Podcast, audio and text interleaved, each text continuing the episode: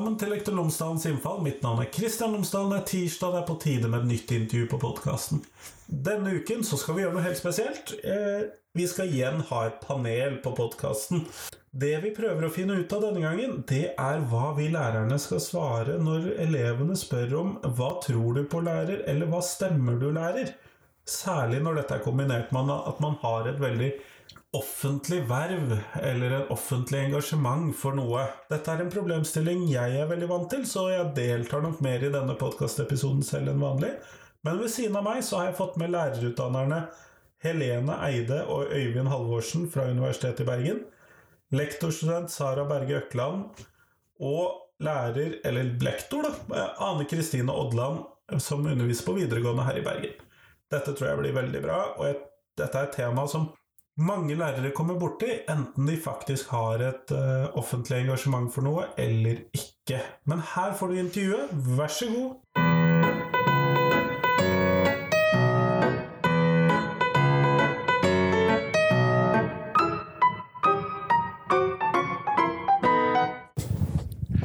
Tusen takk alle sammen for at dere har kommet hit i dag. Eh, dette har vært et tema som krever en, et helt panel, syns jeg. Og derfor har jeg samlet dere alle sammen. Og derfor skal dere også få lov til å introdusere dere selv. Så om dere kan si navnet deres og si tre relativt raske ting om dere selv, så eh, får vi startet. Jeg heter Ane Odland. Jeg jobber som lærer i norsk, fransk og sosiologi på Olsvigårdsen videregående skole, som er en videregående skole som ligger i Loddefjord i Bergen. Jeg har bakgrunn fra den organiserte kvinnebevegelsen, altså som organisert feminist. Eh, og Ting 3, som jeg tror er litt relevant. Jeg har jobba to år som lærer i fransk videregående skole, som leder for en norsk seksjon på der. Eh, som gjør at jeg har blitt veldig glad i en del, ting, de, en del ting som den norske skolen gjør, som man ikke nødvendigvis gjør eh, i skolen i andre land. Alle de tingene som skiller oss fra de andre? Ja, alle de gode tingene med den norske skolen. Heter Sara Berge Økland, er lektorstudent ved UiB. Skal da undervise i historie, norsk og samfunnsfagene. Har, eh, og er politiker for Høyre, sittet i bystyret, vært politisk rådgiver og er også kursleder i Human-Etisk Forbund for konfirmanter. Ja, takk for eh, invitasjonen til panelet. Mitt navn er Øyvind Halvorsen. Jeg er doktorgradsstipendiat eh, ved lærerutdanninga på Institutt på Universitetet i Bergen. Eh, og jeg er utdanna norsklektor, min utdanningsbakgrunn. Og så som en siste ting så kan jeg jo si at jeg er målmenneske. Veldig opptatt av eh, norsk, norsk, språk og nynorsk og sånt, så, så det er noe jeg òg er svært engasjert i. da. Ja. Kjempeflott. Hmm, jeg heter Helene Eide og jobber som førsteamanuensis på Institutt for pedagogikk på Universitetet i Bergen. Uh, og har bakgrunn som barnehagelærer og lærer i skolen. Så har jeg jobbet som lærer i skole og pedagog i barnehage. Mm. Kjempeflott. Eh, denne podkastepisoden har kommet til rett og slett fordi at jeg og Sara diskuterte et tema som har vært veldig viktig for oss.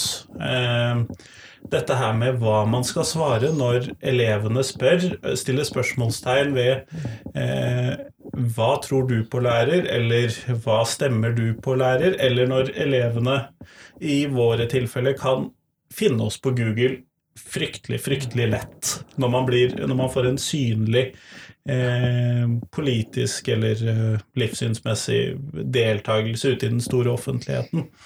Eh, og der er det jo en del profesjonsetiske spørsmål, og det er en del sånn, hva skal vi kalle det, praktiske spørsmål mm. som vi tenker er veldig viktige. Og Sara, kunne du dele litt mer om hva, hvorfor du stiller dette spørsmålet? Det er først og fremst for jeg vil unngå å, at elevene mine eh, bli, bli redd for å si, si, meningene sine, eller stille spørsmål.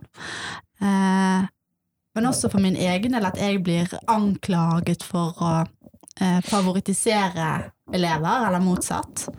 Eh, enten av elevene mine eller av, eller av, foresatte. At det på en måte blir, blir, en del av det å vurdere meg som lærer, eh, at privatlivet mitt virker inn. Eh, jeg har som utgangspunkt at elevene mine nok vet det. altså Ta som utgangspunkt at elevene eh, googler meg, søker meg opp på Facebook. Eh, kanskje ikke alle som leser avisen, men jeg håper jo at, skal, at elevene mine faktisk skal gjøre det. Um, og da er det lyst til å unngå å gå i sånne åpenbare feil um, Ja, gjøre åpenbare feil.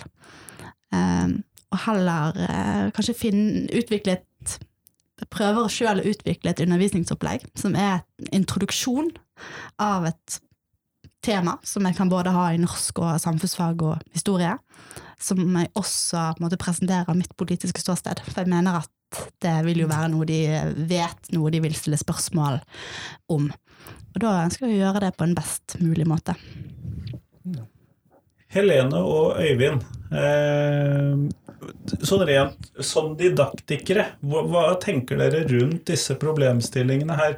Eh, sånn rent, hva skal vi kalle det, profesjonsetisk, eller uh, ut ifra det at uh, man skal være lærer, hva tenker faget om dette? Skal jeg begynne? Jeg, ja, nei, for å ta opp i forlengelse av det Sara sier her, så, så tenker jeg at det, det er viktig det der med at slike Altså, vi, vi, kan stille oss spørsmålet der med Når vi får et sånt spørsmål fra elever sant? Hva, hva stemmer du?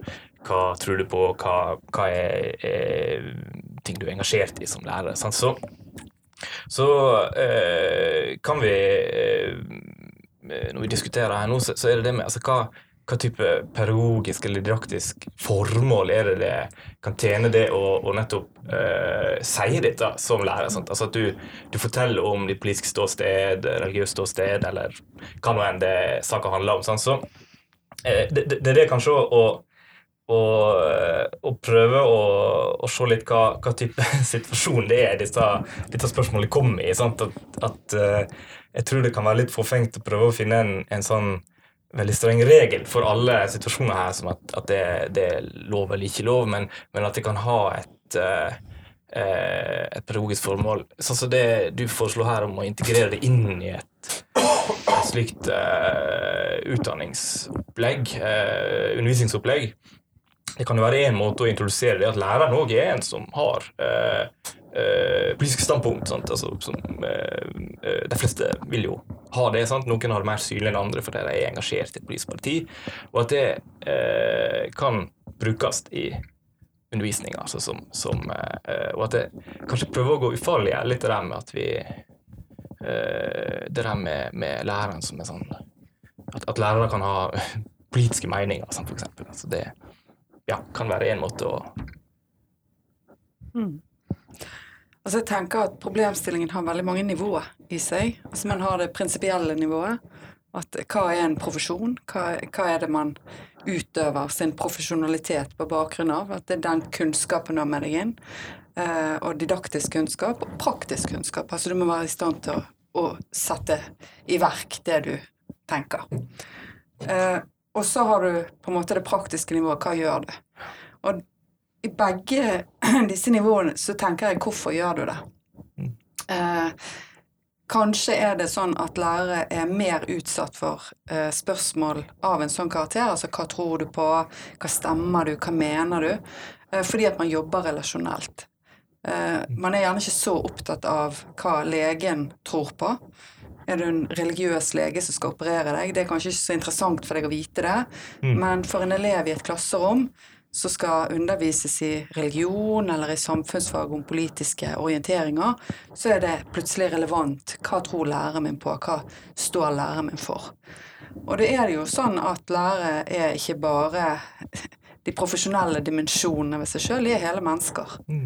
Uh, og i, i, det praktiske feltet så tenker jeg at det er viktig å, å for seg sjøl ha et skille mellom det å være personlig og det å være privat. Altså I det øyeblikket du opplever at noen går veldig inn i din private sfære og ikke er relevant for det du skal gjøre, så er det kanskje ikke noe du trenger å føle at du er forpliktet til å dele. Mm.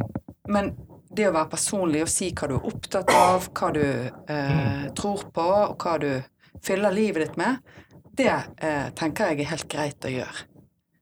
Men det må gjøres på en måte som eh, ivaretar elevene sin rett til å gjøre seg opp sin egen mening. Mm. Og det er jo nettopp der de store problemstillingene ligger. Eh, jeg er jo lærer i samfunnsfag og i eh, religion, som er jo de relevante fagene for min egen del i denne sammenhengen. Men dette kan jo også slå inn over andre fag, og da tenkte jeg at vi skulle hente inn deg, Ane. Hvordan er det eh, ditt engasjement utenfor skolen sånn har kommet inn i skolen for din del?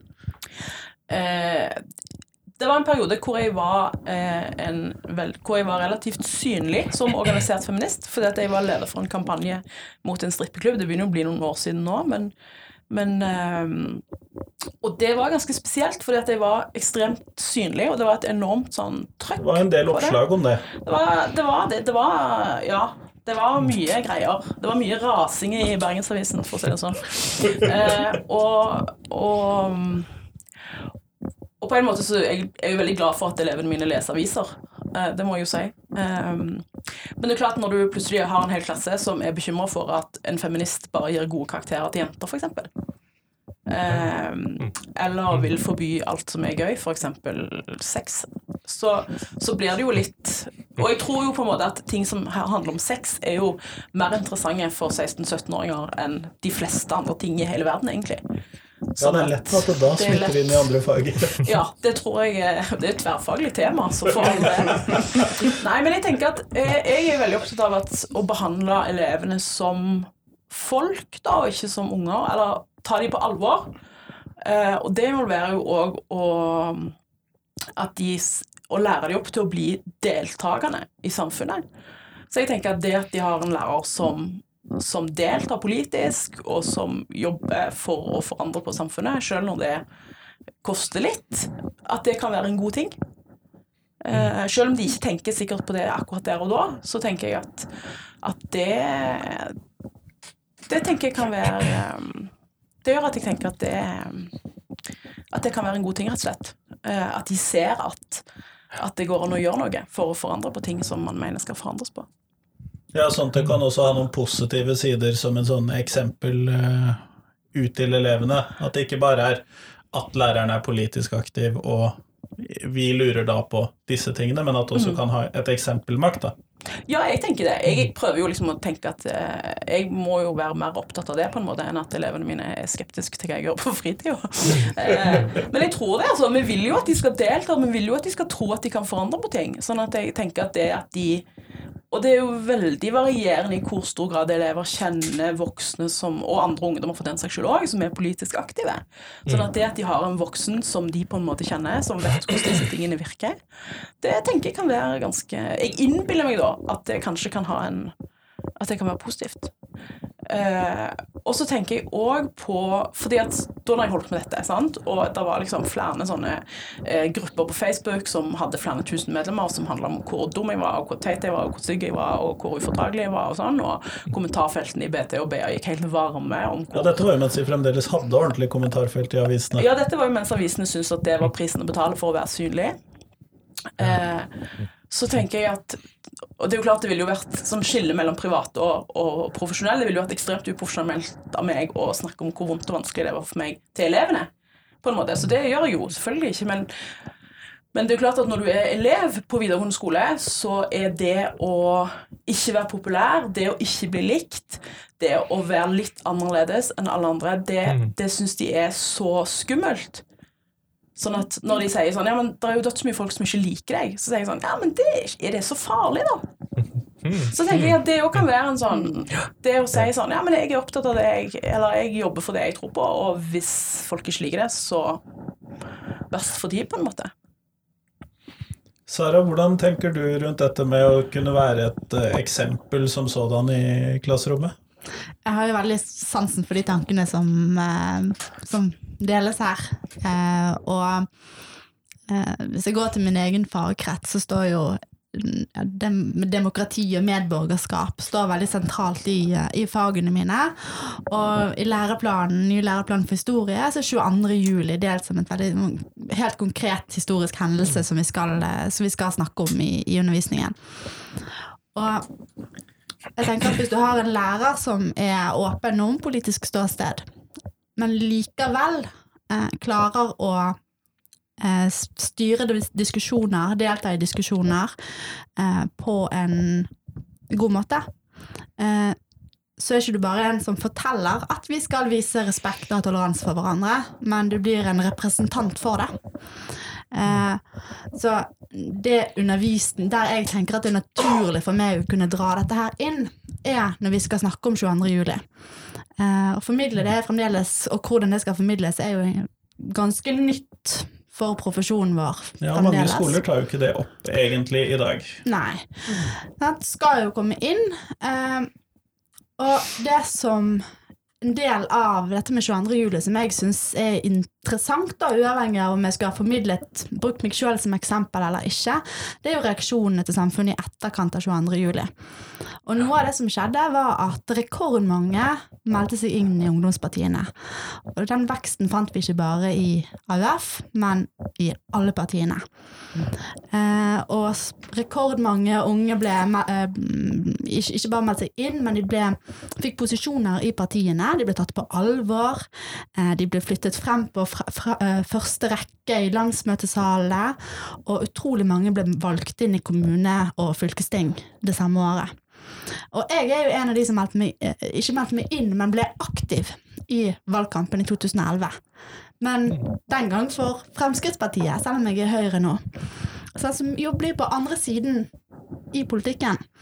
Eh, og det å kunne snakke om hvordan vi drev valgkamp i 2011 for nettopp å vise respekt for hverandre, og hvordan ordskiftet endret seg blant ungdomspolitikerne, eh, hvordan man var venner på tvers av partiene, eh, folk jeg kjenner til som er kjærester og gift i dag og har barn, eh, det er jo en eh, historie om det norske demokratiet eh, som eh, unge har godt av å kjenne til, og som veldig mange av oss, selv vi som husker 22. juli godt, det gjør jo ikke elevene våre nødvendigvis i dag.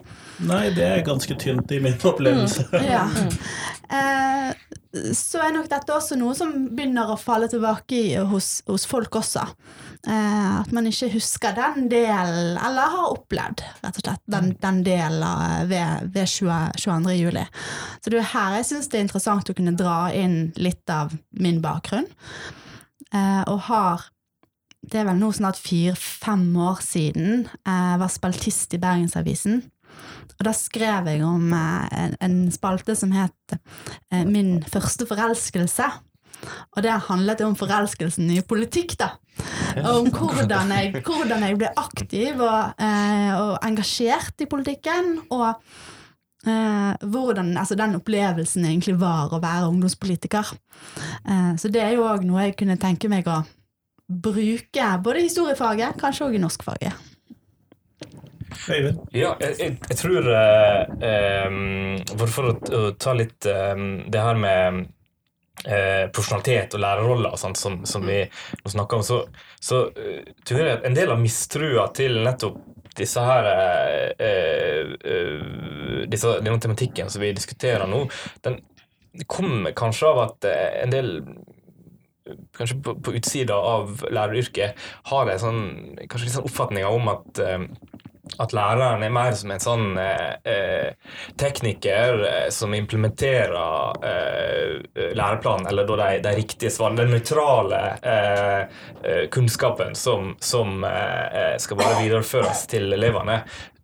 og på den måten så, så eh, altså det, et, et sånn type syn på læreren står jo i stor kontrast til det som Sara her beskriver, sant? som er da en, en lærer som, som, nettopp bruker eh, sine egne personlige erfaringer inn i et sånt pedagogisk eh, prosjekt, eh, og, og, og, som også ikke er redd for å eh, Eller ikke tilslører det at som lærer så så ender en opp med å, å, måtte stå for noe uansett. Altså, du kan på en måte ikke rømme fra alle disse normative spørsmålene som ligger i, i læreryrket, som ligger i eh, hva som er god undervisning, og, og, eh, på en måte formålet med hele den virksomheten som en er engasjert i. Da. Så jeg tror at den her, eh, den, en sånn tekniker, eller sånn, veldig sånn teknisk forståelse av læreryrket, kan er, er, noe som, som, kanskje ligger litt sånn og, og, og gjør at, en, at, en, at med en gang en kommer opp i disse her litt vanskelige spørsmålene, så griper en fort til det at læreren har en agenda, eller eh, altså En bruker en sånn type språk og snakker om det, fordi at en tenker at, at alt dette her eh, som eh, eh, for eksempel synliggjør det at læreren er engasjert i spørsmål eller, eller tar opp eh, eh, tar stilling i verdispørsmål og sånt, at, at det er noe som egentlig ikke hører til. Eh, så en forveksler profesjonalitet der med eh, en mer sånn teknisk eh, En teknisk nøytralitet. ja, ja, egentlig. Ja, ja. At, det, at det er nok eh, Altså, det, det er nok eh, noe der som, som eh, Altså, det må å, og, rett og slett få frem det med at, alt, altså dette normativet her òg. Det er mye godt som ligger i det, da, som, som er viktig for profesjonaliteten. Det, ja, det, Ane? Ja, og jeg tenker jo at det òg er en del av faget, på en måte. Ja. Sånn, som, sånn som i norsk, så er jo, og, og i samfunnsfagene òg, så er jo det med kritisk tenkning Mm. eh, et sentralt element. Og, og da tenker jo jeg at jeg vil jo at elevene skal òg være kritiske til meg. Altså, Jeg vil jo ikke at de skal tro blindt på alt jeg forteller dem, på en måte. Sånn at det at de òg har muligheten til å vurdere den informasjonen som kommer fra meg, er jo òg en Det er jo på en måte også å ta dem på alvor, da. Mm. Og det er jo en veldig Det er jo en jobb som krever at du er der med hele deg.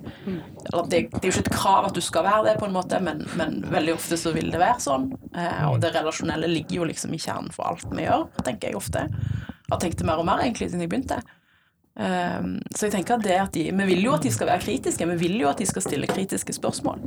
Eh, og det tenkte jeg ganske mye på når jeg jobba på, på videregående skole i Frankrike. For der er jo på en måte lærerne mye mer den der tekniske, navnløse De husker de vet jo nærmest knappest ikke Autoritet. Ja, sant? Ja, Og, ja. og som er en fagperson.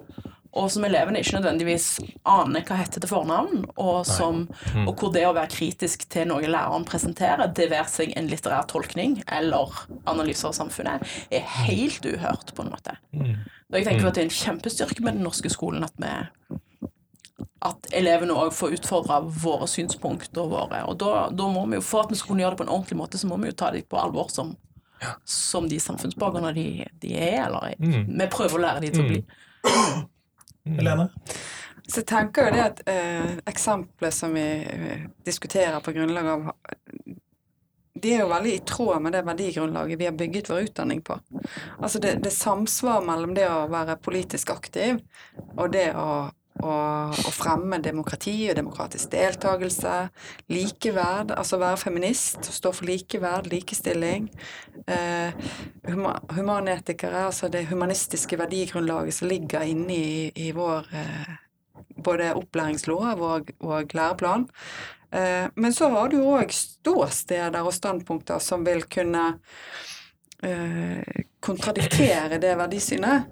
Og jeg tenker at i de Når det er i brudd med disse verdiene. ja, eh, og, det er jo de eh, situasjonene som elever og foreldre og samfunnet rundt kan respondere på og, og tenke at her er det noe som ikke stemmer. Sant? Vi har noen eksempler på det. Eh, et nyere eksempel var at en, en lærer gikk ut i, på sosiale medier og uttalte seg veldig kritisk til bygdepride på Stord. Uh, og var veldig, uh, veldig kritisk.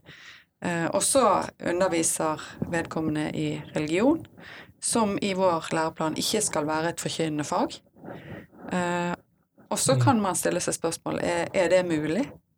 Går det an? Kan en lærer gjøre det? Og det er de situasjonene jeg tenker at vi får disse litt sånn grunnleggende diskusjonene rundt hva er innafor og hva er utenfor det en lærer kan gjøre, og hva som er greit å gjøre. Og da for full åpenhet så kan man jo gjette hvem som svarte denne læreren i, i eh, de, de lokalavisene der nede. For det var meg. Så flott! Eh, Det er et område jeg har stor eh, eh, Litt ekstra fokus på å holde svar på avisene. Ja. Eh, Men Helene, som lærerutdanner møter du ofte disse spørsmålene fra eh, lærerstudentene. Er dette noe som lærerstudentene er opptatt av, disse, denne typen spørsmål? Noen er det. Um, uh, og kanskje um, Kanskje er det sånn at spørsmål som knytter seg til religion, da, hva man tror på, at de, er mer, de oppleves mer presserende for de som står i en sånn eh, konflikt. Um, det er noen som begynner på lærerstudiet og tenker at de skal ut og forkynne uh, det de tror på. Uh, og det kan oppleves litt brutalt å bli fratatt den uh, grunnleggende motivasjonen at du sier at det kan du ikke. Du må tenke nytt om det. For det er ikke det mandatet du har som lærer. Eh, men det fins jo mange eksempler på lærere som er politisk aktive. Eh, Sara har sittet i bystyret, og det sitter lærere i bystyret og representerer egentlig hele viften av politisk eh, orientering. Ja, det, det jeg slet mer med å finne, var de religiøst aktive lærerne som meldte seg til dette. For det Mm. håpet jeg å finne, men det var politikk var det letteste. Ja. Ja og det, det på en måte, det å være politisk aktiv er nok uh, mye mer festet i verdigrunnlaget for vårt utdanningssystem. Mm. Uh, Det å levendegjøre deltakelsen, sånn som Ane og Sara gjør her. Sant? Altså det å være et eksempel. Ane snakker om det å, å våge å stå opp for meninger ikke alle deler, men å liksom stå i det å være annerledes. Kjempeviktig for ungdom. Uh, kanskje enda mer aktuelt i dag når vi har fått nye yrker. Som influensere og bloggere og sånn. Så kan det være deilig å ha noen eksempler som ikke er der. Eh, Mm. men, men Mm. det å stå opp for et, en religiøs overbevisning som på en måte gjør at man kan stille spørsmål Hvis du er kreasjonist da, og er veldig Mm. overbevist om at det er Gud skapte verden på syv dager, eller seks, og så hvilte han, eh, så kan man jo stille spørsmål er du i stand til å forvalte Å være god naturfagslærer Ja. eller Kan, religion. kan Ja. du undervise i evolusjon og biologi når du er så Mm. overbevist om at det er feil? Mm. Mm. Og eh, for min egen del, og om noen av lytterne mine skulle ha unngått å ha fått det med seg, siden jeg ikke eh, presenterte meg selv i begynnelsen, så er jo jeg nestleder i Human-Etisk Forbund.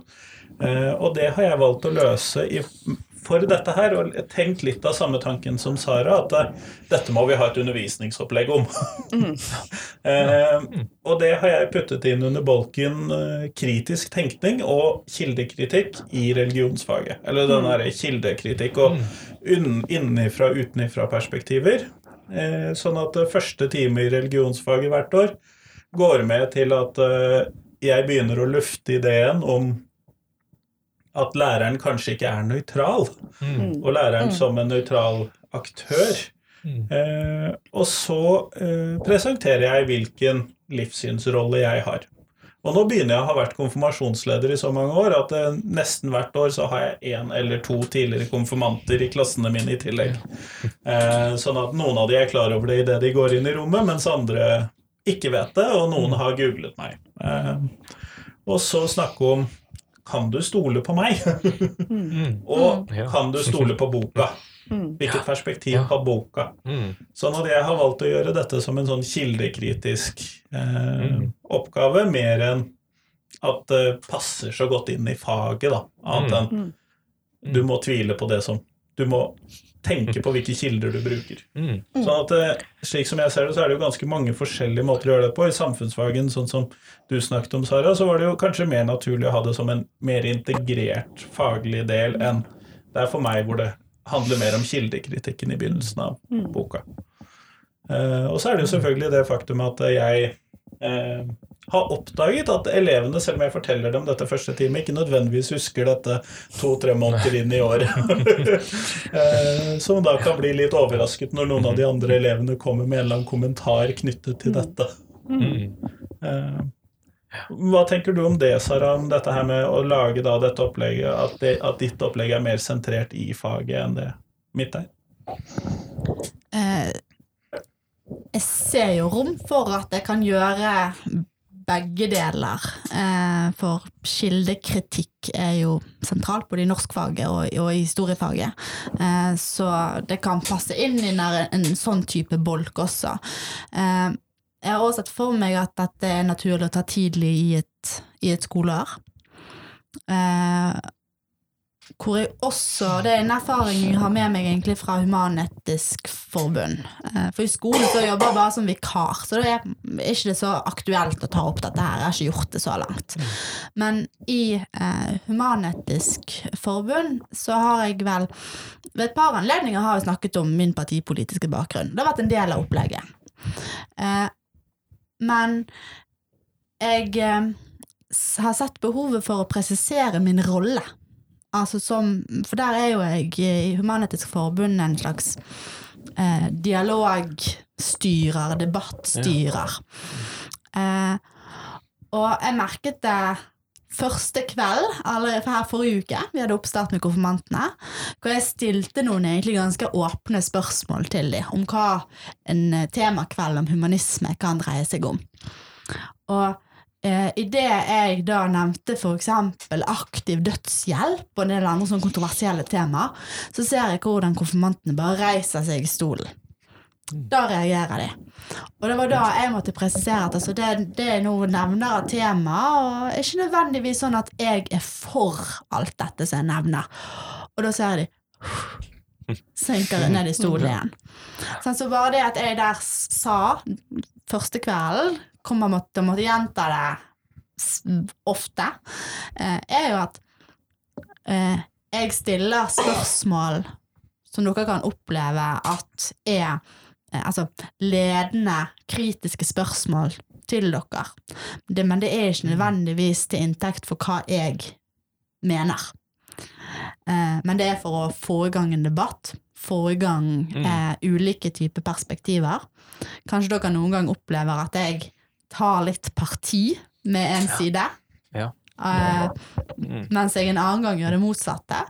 Eller kanskje at jeg er midt i en diskusjon om noe. At dere føler at jeg skifter perspektiv midt i en diskusjon om det samme temaet. Uh, og så må dere gjerne spørre meg om hva jeg mener av og til, men uh, at jeg kan ha ulike typer eh, roller. Og at også Human-Etisk Forbund kan ha en, et offisielt standpunkt om noe, men det betyr ikke nødvendigvis at jeg mener det samme i alle spørsmål, eller at alle humanister mener, mener det samme. Og det tror jeg òg er noe jeg kan ta med meg inn i, eh, i læreryrket eh, i veldig mange fag. Anne, kom dette med roller og sånn. eh, Klarte du Eller ble det et tema med elevene dine, dette med din rolle i ulike sammenhenger når du sto midt oppi stripperferden?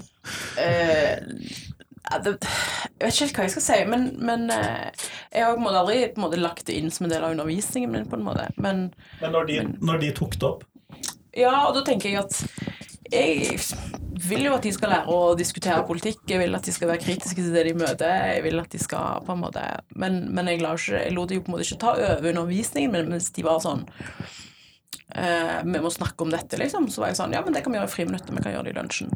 Men vi kan ikke bruke hele norsktimen på det. på en måte Men jeg har jo aldri brukt så mye krefter på å klappe ned PC-skjermer hvor elever ser på strippe- og pornovideoer i klasserommet, som jeg gjorde i den perioden der. Sånn at det, det kom jo inn, på en måte. Men eh, jeg eh, tenker vel kanskje at Ja, hva tenker jeg? Ikke så mye. Nei da. Men, men man må jo Det krever jo at man vet litt Man tenker litt sjøl på hva som er Hva slags Altså, det kan ikke være et krav at lærere på en måte skal utlevere seg sjøl og sitt heller i et klasserom. på en måte. At, og at, at det må jo alle lærere få lov til å velge sjøl, hvor, hvor personlige de er med Hvor mye personlig informasjon de deler med elevene sine. Um, og jeg tenker vel også at elever er jo egentlig ikke så interessert i lærerne sine på en sånn på en sånn ting som ikke er relevant for de måte. De syns det er spennende å google deg i august, liksom, og, og de syns det er spennende hvis de har hørt at det er en gal feministlærer på den videregående skolen de skal begynne på, og så tenker de shit, liksom, når jeg er i klassen hennes, og så finner de ut egentlig at det var ikke så gale, kanskje. Så, så de er jo ikke så interessert i oss. Av og til så tenker jeg at de tror at vi bor i et Av og til når jeg treffer elever på kino, for eksempel, så tenker jeg tror de at jeg egentlig bor i et skap på skolen, liksom.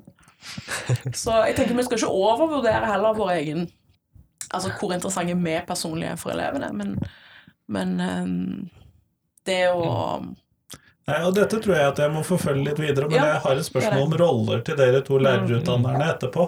Men eh, dette her med fordi at jeg tror du har helt rett i at vi stort sett ikke er så interessante. Eh, Derav f.eks. min opplevelse av at de glemmer etter Ja, eh, et par uker, og at jeg er eh, i Human-Etisk Forbund. Ja, De syns det er veldig spennende å finne ut ting, men, men de går liksom ikke og gnurer på det i, i liksom. Men jeg kan jo tenke meg at et tema sånn som eh, når dette da dreide seg om stripping og den type ting, at eh, det da kanskje kan være mer spennende lenger. Eh, og det er jo noe som Sara, for du har jo også hatt eh, dine minutter i offentligheten knyttet til metoo-debatten, eh, som kanskje også kan, hva skal vi kalle det, falle inn under samme kategori i fremtiden på dette. At det da duk, er det som dukker opp på deg, ikke det eh, partitilhørigheten. Hva tenker du om det? Um, altså, googler du meg, så er jo det metoo du får mest treff på, på de første sidene. Eh, og så er det et BT-innlegg som handler om eh, vagina inn i læreplanen. Skrevet litt tabloid, da. Eh, så det er jo Det er vi veldig for for øvrig. Eh, så, så det er jo definitivt en del sånn kvinnesaker jeg har eh, uttalt meg om. Og hvis jeg får elever, eller når jeg får elever, som reagerer negativt på dette, eh, så skal jeg ta det der og da som en god utfordring. For det, det er faktisk en situasjon hvor vi kan sette dette under debatt. Uh, og jeg vil gjerne knytte, knytte det til litteraturen. For det kan jo være at det er noen av guttene som syns litterær analyse er kjedelig. Uh, som syns at å kritisere kvinner som har vært i en metoo-debatt, er veldig gøy. Så da kan vi kanskje slå to fluer i, i, en, i en smekk å gjøre dette ganske, ganske aktuelt og, og interessant. Så eh, jeg er ikke Men samtidig så har jeg vært en kritiker i metoo-saken også. Eh, altså kritisert mediene sin vinkling og hva NRK-debatten eh, på ja, på, I forkant av hva PFU eh, konkluderte med, så sa jeg hva hvilke paragrafer de hadde brutt i dekningen av Giske-saken. Ja, nå er det VG og Bar Vulkan-saken du tenker på. Konkret. Ja. Eh, og eh, så det at man eh, kan mene noe i en sak, men man kan ha flere innganger til det, da. Det går an å, å være for likestilling, mot trakassering. Eh, men også se at dette her skal på en måte, diskusjonen skal gå for gå for seg på, en, på en god måte. Så jeg håper jo dette her blir et tema. Eh, og akkurat her, eh, av oss tre som er eh, hentet inn som de som har eh, de aktive lærerne i rommet, eh, så er det jo eh, Så er dette med likestillingsperspektiv, eller likestillingsfokuset, er likt for alle tre. Eh, og det er jo interessant nok i seg selv. Eh, men samtidig så er det en av de tingene jeg føler minst problematisk, rett og slett fordi at det er så fundert i læreplanen og opplæringsloven at eh, likestillingsperspektivet skal ligge der i utgangspunktet. Så der er det liksom sånn alle dokumentene mine sier dette. Dette er egentlig ikke meg. Jeg er enig med eh, eh, dokumentene. Det er så, men det er liksom ikke en problemstilling. Eh, mitt politiske syn og mine utdanningspolitiske syn og min livssyn er i større grad en sånn her kan det være forskjellige innganger i større grad, og man kan tolke opplæringsloven og alle grunnlagsdokumentene mer annerledes enn jeg føler på likestillingsbiten. Men eh, jeg har lovet et spørsmål om roller, og er dette noe dere tar opp med studentene? Dette med rolleforståelse i, eh, for lærerne i skolen? Denne, det som vi egentlig sirkler litt rundt her på, med rollene? Øyvind? Eller Helene? Kanskje Helene som eh, har vært mest i men, men ja, vi snakker jo gjennomgående om eh, altså Lærerroller kan en jo si blir tematisert eh, eh, gjennomgående i, eh, i de ulike eh, emner som eh, Klart med litt forskjellig vektlegging, men det handler jo Det, det der med å å, å utvikle eh, en eh, form for um, dømmekraft eller skjønn, sånn som, som jeg tenker er, en, en sånn essensielt her når det kommer til rolleforståelse. Sant?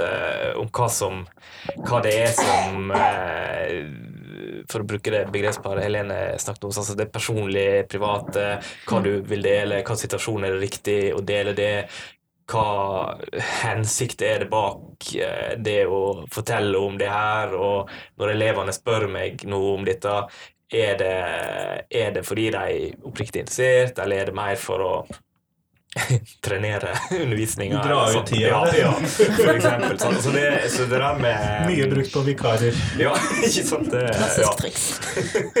Så det, eh, det der med, med å vite litt sånn Altså når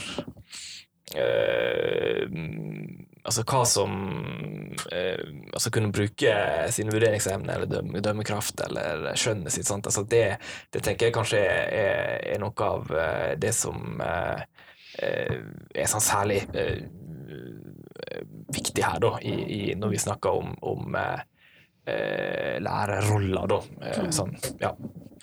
Vi må tenke gjennom når det er relevant, eh, eller når vi tenker at det er relevant, og hva vi vil dele, bør vi tenke gjennom på forhånd. Ja, det er sånn Altså, du trakk litt på Ja, altså, det er jo Det er jo på en måte spørsmål som berører eh, veldig mange aspekter ved lærerutdanningen. Altså sånn som Øyvind snakker om, dette med, med opparbeidelse av et profesjonelt skjønn. Eh, og så er det jo eksplisitt tematisert når vi snakker om yrkesetikk og, og sånne Ja. ting. Og eh, at vi jobber med at eh, Hos oss så jobber vi med at studentene skal få lov å, å nærme seg ulike case eh, basert på eh, undervisningssituasjoner. Vi bruker Utdanningsforbundet sine case. Også, eh, og, og at de skal få lage sine egne case, som nettopp Mm. tar opp i seg noen sånne problemstillinger som, som ofte handler om, om grenseoppgangene i yrket, da. Mm. Det handler For en del handler det om å finne ut hva ansvar de har. Eh, Og for noen handler det om hva kan jeg gjøre innenfor det ansvaret, hva er greit, og når trakker jeg over. Um, og jeg tenker at begge de sidene er ganske viktige for at vi skal snakke om, om det profesjonelle skjønnet. Altså det Når er du på jobb? Sånn som du sier, du møter elever som er forskrekket over at du har et liv utenfor skolens eh, vegger. Eh, og det kan jo være sjelsettende for elever å oppleve at man er hele mennesker, eh, og ikke er helt fullstendig oppe i et fag. Sant? At det, det kan være ganske krevende hvis du treffer noen på kino. I hvert fall hvis du ser en film som de ikke forventet at du ville se. Det er jo drøyt. Så da Enda verre ler på alle de gale stedene i tillegg. Ja. ja, ja. Og og det òg skaper jo noen utfordringer, den grenseoppgangen med det personlige og det private. Fordi at når er man privat? Mm. Um, eh, og når er man i det personlige? Og, og hvor langt strekker rollen seg egentlig, det å være lærer? Sant? Man, eh, en ting er å møte elever, men hvis du møter foreldre, sant? du skal kjøpe et brød, og så er det noen som ønsker å innlede en samtale om Mm. et problem, kan du gjøre det? Mm. Er det greit å ta over brødmaskinen? Eller jeg som tok initiativ til at uh, faren min skulle ta foreldresamtale med min klasseforstander uh, på pub på Geilo i vinterferien. Ja. Eh, Jeg mistenker at det var kleint for alle parter. Uff, ja. Det. Men jeg tenker det går jo det med rolle Det går jo, det går jo på en måte òg andre veien, på en måte. Eh, og, Mm. og jeg husker da når jeg, da når jeg drev og var så synlig, så sa jo elevene sånn Ja, du ser sykt synt ut i avisen, liksom. Eh, men du, haha, jeg vet jo at du ikke er så sint til vanlig. Ja, av og til er jeg det, altså. Men, eh, men sånn, at, sånn at det gjør jo òg at det at man på en måte har ulike roller da, og utenfor skolen, gjør jo at elevene òg kan forstå mer om at Ja, man har forskjellige roller i forskjellige sammenhenger. Ja. Mm. Um, Mm. Uh, og jeg syns egentlig det var mer beklemmende egentlig den gangen når, når eh, jeg ble i portrettintervjuer, eksempel, og så var det sånn Ja, hva syns eleven din om dette, da? Sant? Og jeg var sånn, nei, nei, nei, de skal slippe å være en De skal slippe dette, på en måte. Sant? Og så sier journalisten liksom Ja, er det sant at du liksom får masse trakassering og drapstrusler og sånn? Så ble jeg sånn Det kan du ikke skrive, fordi at jeg vil ikke at eleven min skal lese det, liksom. Sånn at det går jo begge Alle disse tingene går jo òg begge, begge veier. Um, men jeg syns jo òg at de gangene jeg har liksom skrevet eller uttalt meg om skole, så syns jeg egentlig at det er mer Jeg syns det er vanskelig å balansere, vanskeligere å balansere. Um, Når du Sånn kritiserer skole ikke kritiseres, men når jeg har liksom ment noe om skole da, om elever. Fordi at du, du skal være så grådig forsiktig før du, før du liksom før elevene kan altså Bare se på hele den Malkenes-saken, f.eks. Altså, du, skal være- du skal være ganske Hvis du skal være kritisk til skolesystemet, så er det veldig vanskelig å få det til uten å Uten at elev, For dette eleven din er jo en såpass stor del av det, på en måte. Og så tenker jeg jo at Hvis du kritiserer skolesystemet, så vil jeg ofte tenke at da gjør du det jo i hovedsak for elevene. Sånn at eh, Det syns jeg er en mer krevende oppgave enn å drive og mene ting om sexindustrien, liksom, som elevene syns er kleint og litt spennende. Så Hva tenker du om det, Sara? Um, ja, altså særlig kanskje når man begynner å mene noe om sin, ikke bare om skolen. Um, altså, mener man noe om skolen, så det er det jo gjerne en fallgruve at ja, elevene føler seg brukt som eksempler og identifiserbare, som i Malkenes-saken. Men det å skulle uttale seg om ehm, ja, særlig sitt eget fag, da. Eh, og nå har vi jo hatt med nye læreplaner. Hva skal være en del av de, og, og, og ikke. Eh, og det er gjerne litt sånn spørsmål til dere, da, hvor, altså forskerne her. Eh, hvor, altså en grenseoppgang der. Eh, og utfordringer med det å Altså sett at jeg som norsklærer da eh, skulle gått ut og ment eh, at eh, diktanalyse, det må vi ha mindre av. Nynorsken bør ut. Eh, altså sånn hva Flere gode høyresaker her. Flere, ja, flere gode høyresaker. sant? Eh, Men jeg er jo norsklærer, så jeg er jo ikke for at, at jeg skal ut av skolen. Eh, Men hvis, eh, ja, hvis man gjør det, da. eh, Det finnes sikkert noen gamle uttalelser fra meg om det, da. Eh, Men ja, hvor mye bør man Altså, man bør Lærerne bør jo delta i det offentlige ordskiftet.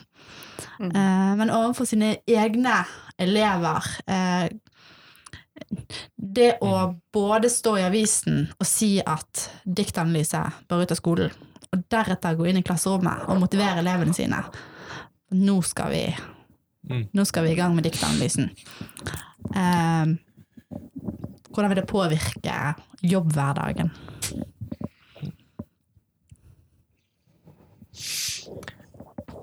Eh, det er jo ikke noe kort svar på det, um, tenker jeg. Uh, det er jo sånn at hvis du skal kjempe kampen om hva som skal være i læreplanen, så trenger du nødvendigvis å kjøre klasserommet ditt til den kamparenaen.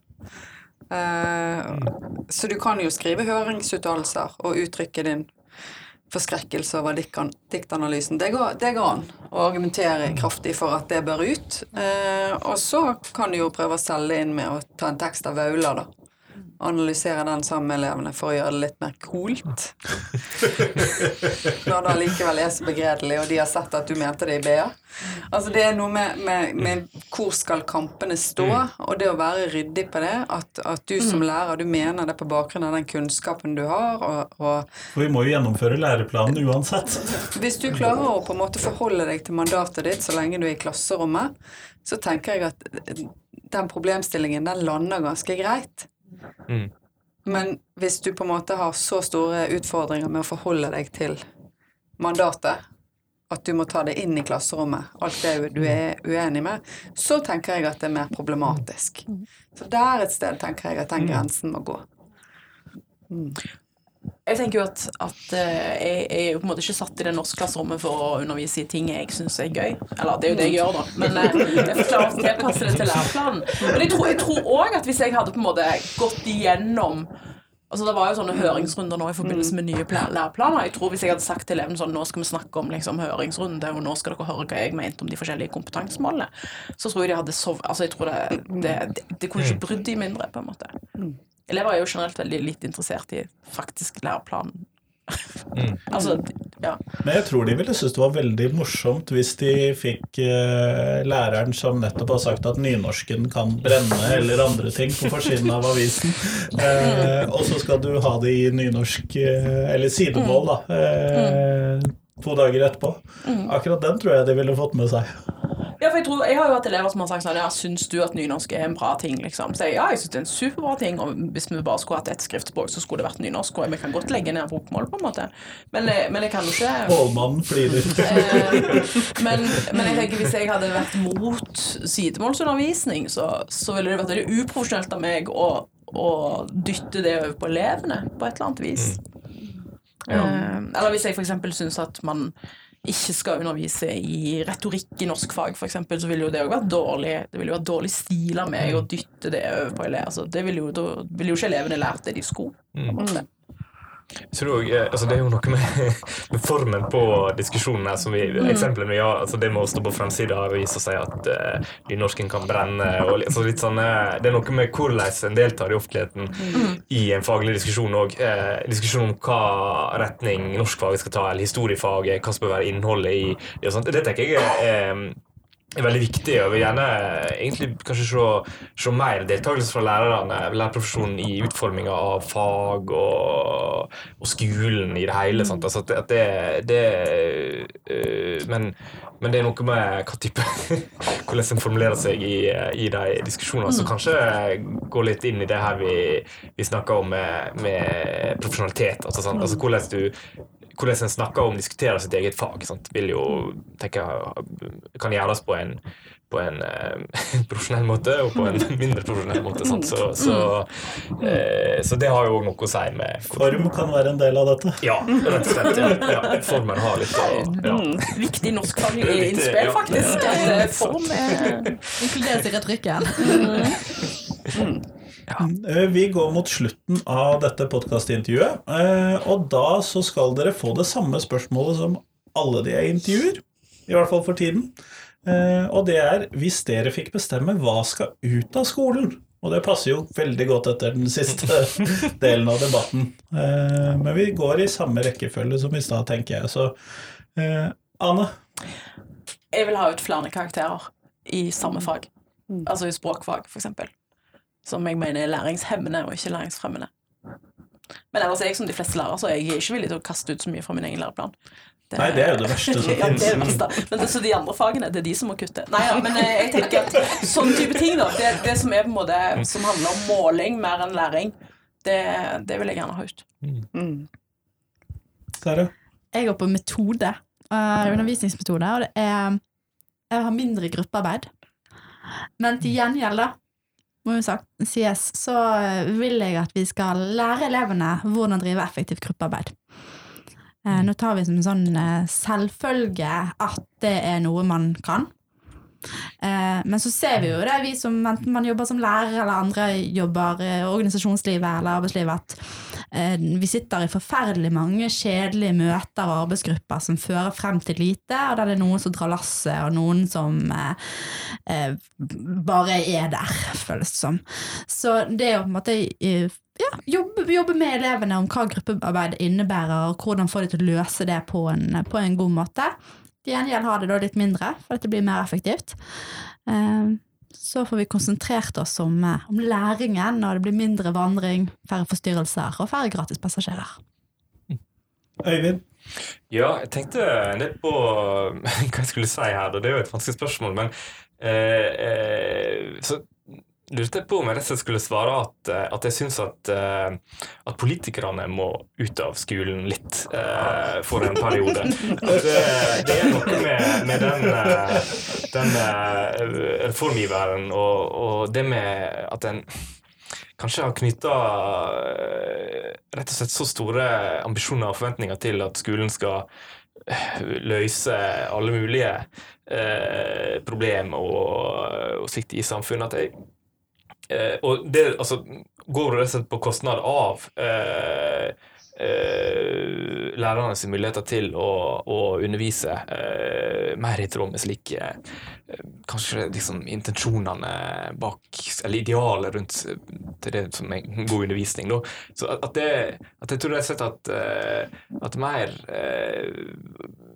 altså Slipp mer fri lærerprofesjonen og, og, og skolene, og litt, litt mindre av det her eh, høyspente eh, politiske rundt, og frykta for at ikke alt ender opp med sånne her eh, perfekte, forutsigbare resultat hele tida. At en må gi litt sånn slipp der uh, for ei stund, og så, og så stole litt mer på Vi kan jo regne med at det er åtte år til neste gang det blir en ny reform, da. Det kan vi håpe på, i hvert fall. At, det, at vi får åtte år. Da, så, ja. så det er mitt svar.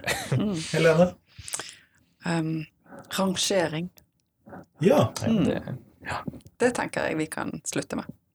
Mm. Det går fint. mm, Det vil vi klare bra. mm. Jeg tenker at det er et demokratisk problematisk at vi rett og slett ikke forstår hva som ligger til grunn for de rangeringene vi har. Um, og at rangering har fått en veldig sentral plass i måten vi tenker at vi skal utvikle skolen på. Uh, og da er det enda mer problematisk at vi ikke forstår, og kan forstå, hva som ligger til grunn for den rangeringen. Mm. Så når vi diagnostiserer vårt utdanningssystem på bakgrunn av at vi måler noen spesifikke ferdigheter, f.eks. gjennom OECD sine undersøkelser, eh, så får vi eh, en litt sånn kortslutning når vi på en måte prøver å gi en generell diagnose på bakgrunn av at vi har undersøkt et veldig spesifikt fenomen. Eh, og vi ser det også i, i måten man følger opp skoleutvikling på nasjonalt gjennom kvalitetsvurderingssystemet. Eh, så tenker jeg at de formative aspektene ved kvalitetsvurderingssystemet er gode, hvis man kan holde det innenfor. Altså en lærer kan bruke en kartleggingsprøve til å finne ut noe om hva trenger mine elever hjelp til. Mm. Men vi trenger ikke vite hvordan vi ligger an i forhold til resten av kommunen eller fylket eller resten av landet, eller hvordan det kunne sett ut. Det, det trenger vi ikke. Kjempeflott. Tusen takk for at dere tok dere tid til meg i dag. Tusen takk for oss. Takk skal du ha for invitasjonen. Takk, takk.